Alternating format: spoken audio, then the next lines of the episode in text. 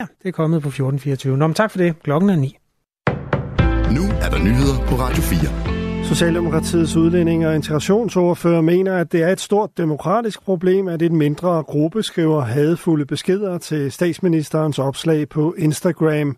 Det er beskeder, som tager afsæt i krigen mellem Israel og Hamas, som Radio 4 har afdækket. En af de mange kommentarer lyder, Mette, du er en børnemorder.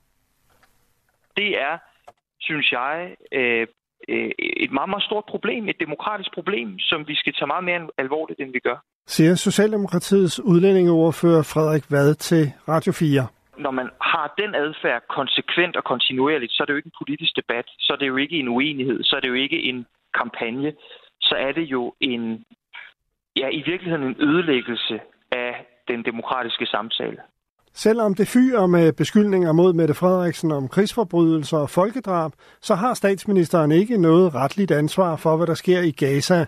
Det siger lektor i Folkeret på Københavns Universitet, Mark Schacht til Radio 4. Hvis man taler juridisk, så svarer jo klart nej. Øh, Danmark er ikke, ikke en aktør, øh, der, der handler øh, i Israel-Palæstina. Der bliver kampvalg om formandsposten i nye borgerlige byrådsmedlem for partiet i Næstved, Gita Nelander, har tænkt sig at tage kampen op mod Martin Henriksen. Det siger hun til Ritzau, efter at tidligere folketingsmedlem for Dansk Folkeparti Martin Henriksen officielt har meldt ud, at han vil være formand.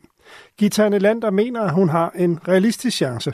Jeg synes jo stadigvæk, at øh, Martin er bærer rundt på noget DF-DNA, øh, øh, og der er jeg jo slet ikke. Så øh, og der, jeg synes også, der er en forskel i forhold til øh, den politiske bredde.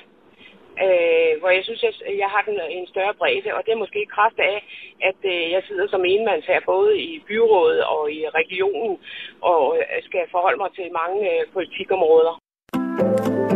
Køge Kommune anbefaler, at der laves en uvildig ekstern undersøgelse af sagerne på Borup Skole, der oplyser kommunen.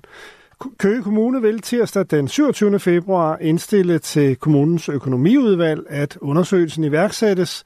Det sker efter, at medier har beskrevet, at elever på skolen i de seneste år har udvist grænseoverskridende adfærd over for andre elever. Det angreb den militante palæstinensiske Hamas-bevægelse gennemførte mod Israel 7. oktober sidste år indebar systematiske og overlagte seksuelle overgreb mod civile. Det viser en rapport fra en israelsk paraplyorganisation, der bekæmper seksuel vold. Asbjørn Møller fortæller. Israelske myndigheder har gentagende gange beskyldt de militante palæstinenser for at begå voldtægt og andre seksualforbrydelser under angrebet i oktober. Men mangel på beviser og vidneudsagn har gjort det vanskeligt at vurdere omfanget af overgreb. Nu konkluderer en ny rapport fra sammenslutningen af voldtægtskrisecentre i Israel, at de seksuelle overgreb, der blev begået, ligner mønstre af seksuel vold i krigstid, som er dokumenteret i litteratur, som det hedder. Ifølge rapporten skete der voldtægter og andre former for overgreb de steder, hvor Hamas koncentrerede sit angreb. Det var musikfestivalen Nova og i private hjem i kibbutzer tæt ved grænsen til Gazastriben. Desuden er der meldinger om, at nogle af de omkring 250 mennesker, der blev tvunget med til Gazastriben som gisler, blev udsat for overgreb, skriver organisationen. Rapporten er baseret på interviews, vidneudsagn og både offentlige og hemmeligstemplede informationer. Men der er ikke udsagn direkte fra nogle af offrene.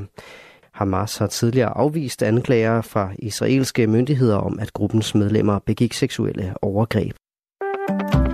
Trods kriser viser valgundersøgelse stabil tillid til politikerne.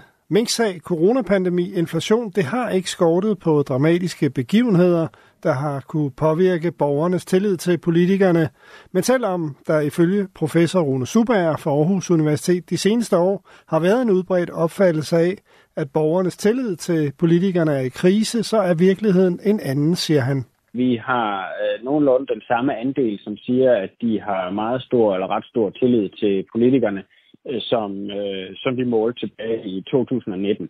Og når man tager i betragtning al den diskussion, vi har haft i forbindelse med nedlukningerne og coronapandemien, og også det, at der faktisk er mange politikere, der taler om en decideret tillidskrise øh, herunder i forholdet mellem politikere og befolkning, så synes vi, at det var bemærkelsesværdigt. Valgundersøgelsen af Folketingsvalget 2022 udkommer i dag som bog. 5-10 grader. Det var nyhederne på Radio